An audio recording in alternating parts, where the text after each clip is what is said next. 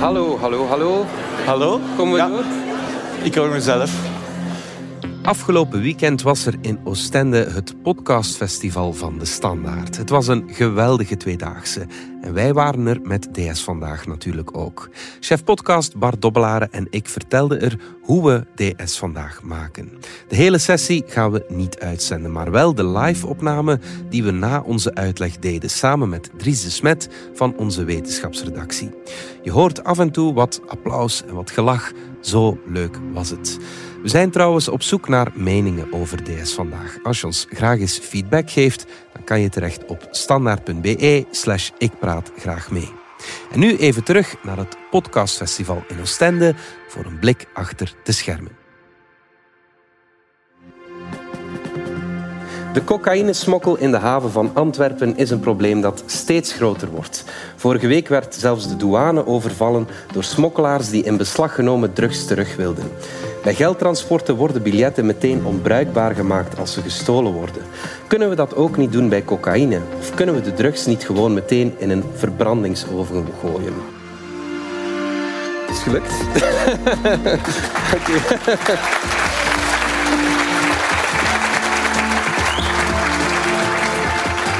Echt alsof je dat nogal gedaan hebt. Het is wel tof, is zo. Een applaus. Jullie mogen nog komen eigenlijk. We hebben de volgende opname oh, dinsdag. Hè? Ja, ja, ja, ja, ja. Dit stukje krijgen we nooit te horen. Hè? Nee, nee, inderdaad. Nee. Maar kijk, ook voor u een primeur. Ja. Dries de Smet van onze wetenschapsredactie. Ehm, bij veel podcasts eh, vraag ik naar uw persoonlijke ervaringen met het onderwerp. Ik ga u niet vragen of je veel nee? cocaïne snuift, maar eh, je hebt je over de, de voorbije dagen wel even over cocaïne gebogen. Ja, gebogen is wel het juiste woord. Eh, nee, ik heb er persoonlijk geen ervaring mee. Ik ga meteen toch Ik je vraag niet, ik beantwoorden. Eh, maar misschien mensen in de zaal wel. Dus, eh, want ja, als je kijkt naar, naar cocaïne, ik denk dat eh, anderhalf procent van de volwassen bevolking heeft al eens cocaïne gebruikt. Tussen eh 18 en 64 is dat. Ja. Dus dat wil zeggen, hier op een zaal, ik schat toch ongeveer 200 mensen. Dus dat zijn er zeker drie mensen die daar toch ervaring mee hebben. Maar dat is natuurlijk illegaal. En ja, we proberen dat natuurlijk hard te bestrijden. Eh, dat, is, dat is logisch. Eh, maar gezien dat het zoveel geld waard is, eh, die cocaïne, ehm, eh, een ton om een idee te geven, heeft een straatwaarde ongeveer van 100 miljoen. Ja, is daar wel veel geld mee gemoeid? En dat betekent, er gebeuren heel veel in beslagnames.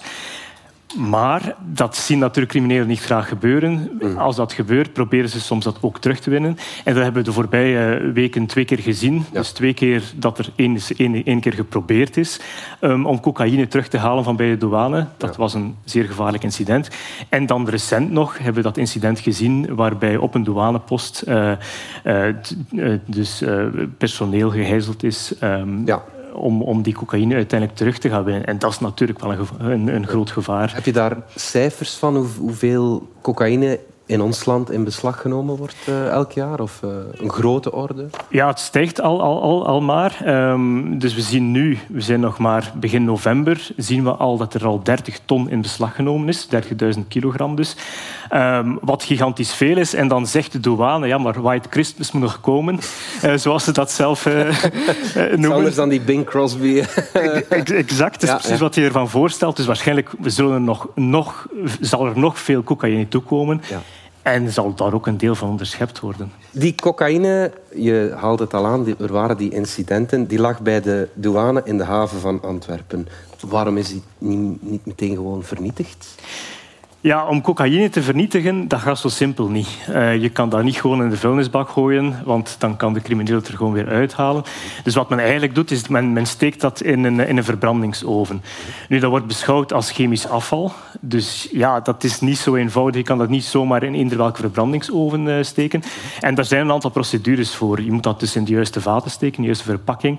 En dat gaat dan naar de juiste verbrandingsoven en daar wordt het dan verwerkt. Ja. Eh, En wat is, wat is er dan speciaal aan die verbrandingsoven? Dat is geen grof huisvuil eh, oven, zeg Nee, dat klopt. Dus dat zijn installaties die specifiek bedoeld zijn voor onder andere chemisch afval. Die kunnen nog veel meer. Dat zijn een soort van draaitrommelovens, waarbij men zeker wil... Men, men wil eigenlijk zeker zijn dat als men dat verbrandt, daar komen uiteraard gassen bij vrij, dat die gassen afgevangen worden en opnieuw gezuiverd worden, zodat niets in de omgeving terechtkomt. Dat is eigenlijk milieuwetgeving. Stel, je werkt in die oven. Is dat een, een, een risico dat je daar high van wordt? Dat weet ik niet precies, maar cocaïne ja, wordt op verschillende manieren geconsumeerd. Dus je zegt typisch, uh, ja, het wordt gesnoven, dat is één manier, maar het wordt ook gerookt. Dus ik kan me voorstellen dat dat ook wel een risico zou kunnen zijn. En daarom ook, ook voor het personeel van douane, ja, zij gaan niet om het even wat doen met die drugs die ze tegenkomen.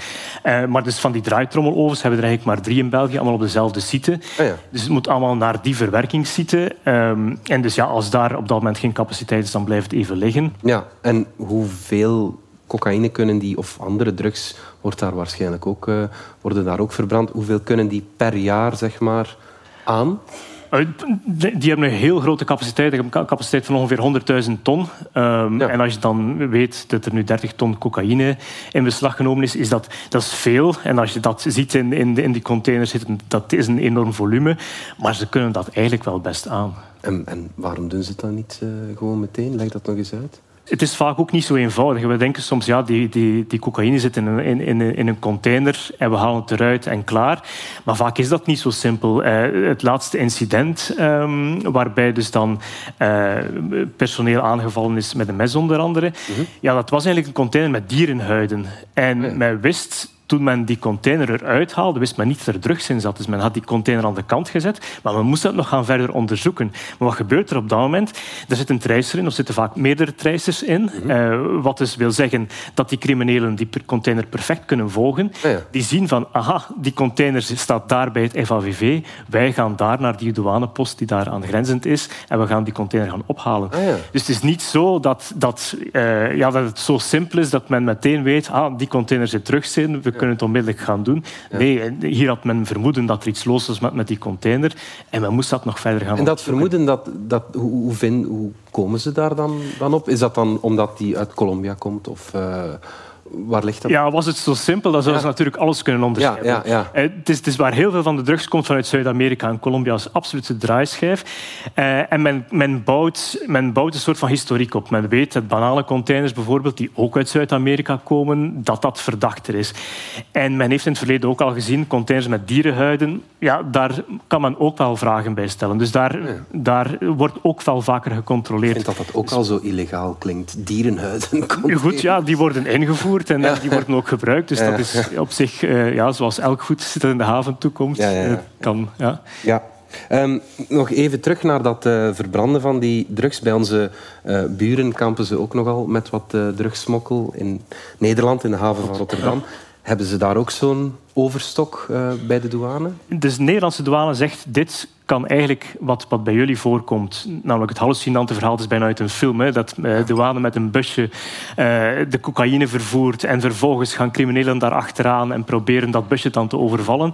Die zeggen, ja, dat is bij ons niet mogelijk, want zij moeten natuurlijk wel hetzelfde doen. Zij moeten ook de drugs die ze vinden naar een verbrandingsoven brengen. Nu, zij zijn minder streng qua normeringen en zij hebben een beleid. Vanaf dat we iets vinden, we weten zeker dat het die drugs is, we hebben het getest en we weten dit is cocaïne, brengen we het met een zwaar bewapend commando naar een verbrandingsoven en is het onmiddellijk weg. Dus ze hebben een, een, zeg maar een sneller beleid. Uh, om zeker te zijn dat dat, dat dat risico niet kan bestaan, dat criminelen die drugs eh, gaan, gaan, terug gaan heroveren op de douane. Ja, want zeg maar. het is wel ja, de moeite voor die criminelen om er, om er achterna te gaan natuurlijk. Hè. Ja, dat... ja, als je weet, we vangen zo'n ton en de laatste vangst was, was, dat was dan 10 ton. Ja, dat is onmiddellijk een zeer groot, groot bedrag. Als je weet 100 miljoen per ton, dat is een, een straatwaarde uiteraard. Dus dat is, enfin, je moet het dan nog verkopen ook. Maar goed, als je dan 10 ton hebt, heb je een miljard. Ja, dat is een gigantisch bedrag. Dus het loont al eens de moeite om daar terug achteraan te gaan. Ja, ja, ja. Um, goed, Tris, we willen natuurlijk dat er zoveel mogelijk drugs uh, gevonden worden. Dat er in het beste geval niets verhandeld wordt. Mm -hmm. Maar dan zou het probleem eigenlijk veel groter zijn. Hè?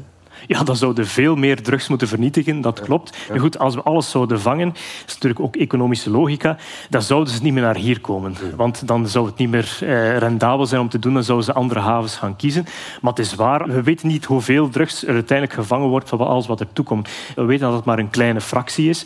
Dus ja, er circuleert nog veel meer in de haven dan... Ik, ik heb ooit op, op, in het journaal een douanebaas heel trots zien zeggen we hebben 15% van alle drugs dit jaar gevangen. En ik dacht, 15 procent, dus wat beter uw best. Uh, maar het is blijkbaar ja, heel moeilijk. En dat is dan waarschijnlijk nog positief. Dat wil zeggen dat je ja, inderdaad één zesde wel vangt en vijf zesde laat gaan. Ja. Ja, ja, ja. Goed, dat verbranden. Dat is het, het, kan, we hebben de capaciteit, maar er zijn natuurlijk uh, wat bezwaren uh, tegen of wat praktische uh, bezwaren. Zijn er eigenlijk geen alternatieven? Zouden ze niet gewoon die drugs in een emmer ja, bloemsuiker of wasproduct kunnen, kunnen gooien? Dan kan je er toch ook niets meer mee doen? Goh, als het met bloemsuiker is, dan zou ik denken dat dat nog perfect opgesnoven kan worden. Uiteindelijk, vandaag wordt het ook versneden en dan vaak nog met een ontwormingsmiddel bijvoorbeeld. Mensen snuiven dat ook mee op. En Waar, dat waarom een ontwormingsmiddel? Ja, omdat die pillen zijn relatief goedkoop. Ze vermalen die en die zien er perfect hetzelfde uit. Dus je kan dus niet onderscheiden van de cocaïne. en dus dat wordt mee, mee opgesnoven. Het wordt trouwens altijd versneden voor gebruik, want men had het nooit in zijn pure vorm gaan, gaan gebruiken. Maar los daarvan... Dus als je bloemsuiker bij doet, dit lijkt me geen strak plan. Ah, nee, okay, ik denk, dat, denk dat het nog altijd bijna evenveel waard is. Men, men doet er soms ook suiker bij. Um, maar je zou kunnen zeggen, oké, we gaan dat onmiddellijk gaan onklaar maken. En dan is het niet meer interessant voor criminelen. Dat is ook wat de Nationaal Drugscommissaris gezegd heeft. Laten we dat onmiddellijk chemisch onklaar maken. Als we dat niet onmiddellijk kunnen verbranden, om de een of andere reden, omdat dat procedureel niet kan, omdat er geen capaciteit is, um, noem maar op, dan moeten we dat chemisch onklaar gaan maken. Mhm. En dat kan. En wat, Als je dat... dat... wat wil dat zeggen, uh, chemisch onklaar? Uh... Ja, je, je, kan eigenlijk grosso modo twee dingen gaan doen. Ofwel ga je zeggen, dus, dus, dus die cocaïne is ook een, is, is een molecule, uh, zoals eh, het is een organische molecule. En je zou kunnen zeggen, we gaan die transformeren. We maken daar iets anders van. Dus we, we kappen daar iets bij, zodat het iets anders wordt. We gaan daar een zuur of een base gaan bij doen, waardoor die cocaïne geen, eigenlijk geen cocaïne meer is en onklaargemaakt is. En dan is het niet meer interessant. Mm. Dat is mogelijkheid één. Mm-hmm. Of twee, zeggen, ja, dat is ook wel een, een, een, moeilijk proces, want ook voor dat proces ga je dan ook weer een reactorvat nodig hebben. Je gaat dat waarschijnlijk onder warmte gaan doen, je gaat er een temperatuur voor nodig hebben om die reactie tot stand te laten brengen. Dus het andere wat je kan gaan doen, is gaan zeggen, we gaan daar iets aan hangen. We gaan die moleculen verbinden met een andere molecule. En dat is eigenlijk wat jij ook voorstelt. Je gaat er iets gaan bijkappen, is het nu water of, of, of iets anders. Waardoor het, en je kiest dan liefst de moleculen waar het moeilijk van af te scheiden is. Ja. Um, en hoe moeilijker af te scheiden is, ja, hoe minder interessant het zal gaan worden. Want opnieuw, stel dat we een ton gaan vermengen bijvoorbeeld met, met waspoeder of met zand, eh, iets wat je, wat je niet wil snuiven, ja, zelfs, neem nu, we doen daar een kubieke uh, meter zand bij. Dat zijn, het varieert, maar laten we zeggen dat het 100 miljoen zandkorreltjes zijn. Mhm. Ja, als je weet dat het 100 miljoen euro straatwaarde is, ja, je kan ze er bijna zelfs manueel gaan uit gaan pikken. Het is nog de uh, en het is nog de moeite. Dus je vindt wel altijd een methode. Voor zo'n bedrag vind je altijd wel een methode om dat opnieuw te gaan Een soort van zeef met verschillende gaatjes groot. Dus een, uh... Exact. Ja, dus je vindt wel een methode. Dus, en, en Zeker omdat het zo'n zo'n grote waarde heeft. Dus je moet wel een procedure gaan bedenken ja, die, die, die toch moeilijk maakt voor criminelen om, om daarna terug die cocaïne te gaan... Het moet eigenlijk onomkeerbaar zijn. Ja. Niet per se, het moet vooral moeilijk genoeg zijn. Moeilijk genoeg. Ja. Moeilijk genoeg, ja, oké. Ehm, we hebben het nu de hele tijd over vernietigen, over chemisch onklaarmaken. Dan is dat voor de vuilbak. Ja. Kan je er in principe ook iets nuttigs mee doen met cocaïne die van de markt, van de zwarte markt wil, wil halen. Gegeven dat je het niet wil gebruiken. Ja, ja nee, daar, daar gaan we niet uh, mee beginnen. Uh, ja, dat doet men eigenlijk in, in, in Zuid-Amerika. Dus in Zuid-Amerika heeft men ja, hetzelfde grote probleem. Um, ja, ze vangen ook heel veel drugs. En eigenlijk, cocaïne dat brandt eigenlijk ook niet zo goed. Dus je kan dat wel gaan verwerken als, als chemisch afval. Het nadeel daarvan is dat het lang duurt. Dus het duurt enige tijd tegen dat je die ton verwerkt heeft. Dat is, dat is sowieso wel een volume. Maar het duurt wel enige tijd tegen dat het verwerkt is. En dus is men ook naar andere manieren gaan zoeken om te gaan zeggen, ja, kunnen we die, die cocaïne niet, niet gaan hergebruiken. En dus een van de methodes die men in Ecuador toepast, is men gaat het gaan mengen met zand, met cement, met wat water. Um, om dan te gaan gebruiken als bouwmateriaal. Mm. Oké. En eh, dus wat, wat, je eigenlijk krijgt is een soort van pasta waarin die cocaïne zit. En men gebruikt dat in Ecuador effectief. Dus die zegt, komt nu weer met zo'n verhaal, Dries. Waar haal je het van? Blij dat je het zelf zegt. dus de, de Verenigde Naties heeft een aparte afdeling speciaal voor drugs, omdat het sowieso een wereldwijd probleem en een groot probleem is, maar er ook heel veel criminaliteit aan verbonden is. Ja. Philippe Lacroix in de vorige uh, sessie zei het ook. Ja, zegt hij, ik zou waarschijnlijk waarschijnlijk nu niet meer die geldtransporten over, overvallen, maar nu zit het grote geld in drugscriminaliteit. Dus dat is een gigantisch probleem. En dus de VN heeft dat ook al onderzocht. Wat doen ze daar in Ecuador mee? Dat is op zich interessant om te zien. En men gebruikt het daarvoor als, als een soort van bouwpasta die men dan in de fundering gaat gaan steken. Ah, ja. En men houdt het wel geheim, want in, in principe, dus de Ecuadorianen beweren, je kan het niet opnieuw gaan scheiden. Dat zouden we nog wel, denk ik, wetenschappelijk moeten onderzoeken of dat echt niet kan, of dat je het dan echt niet kan uit die fundering terughalen. Maar men houdt het ook geheim waarvoor men het precies gebruikt. Er was een persartikel waar men zei men gebruikt het voor een supermarkt. Dus de fundering van die supermarkt zijn gebouwd op drugsafval. Oké. Uh, maar men houdt dat ook ja, om evidente reden. Uh, Ja, ja, ja. Niet, enfin, houdt men dat onder de radar. Is dat dan omdat het minder brandbaar is? Want die fun- ja, een fundering brandt, niet af, meestal bij een woningbrand eh, of zo.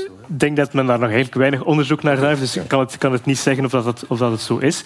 Wat wel zo is, is dat het veel sneller verwerkt kan worden. Dus op een paar uur tijd, eh, op zich is ja, het, het procedé zeer simpel. Je gooit er dat cement, zand en, en dergelijke bij. Gewoon een betonmixer. eh. Het is, het is een betonmixer, je stort het en het is klaar. Dus het gaat ook veel sneller, wat ook, ook weer een voordeel geeft. Ja, oké. Van mij mogen ze het eh, hier ook beginnen doen, want eh, kijk, eh, even naar mijn vrouw, ze gaan, wij gaan ook verbouwen.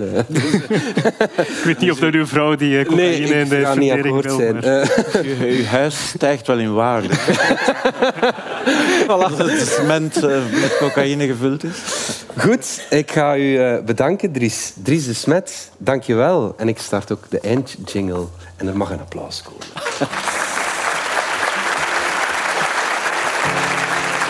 En dan lees ik. Dit was vandaag de dagelijkse podcast van de Standaard. Bedankt voor het luisteren. Volg ons op je favoriete podcastplatform. En reageren kan via podcast.standaard.be. En voilà. Gaan we-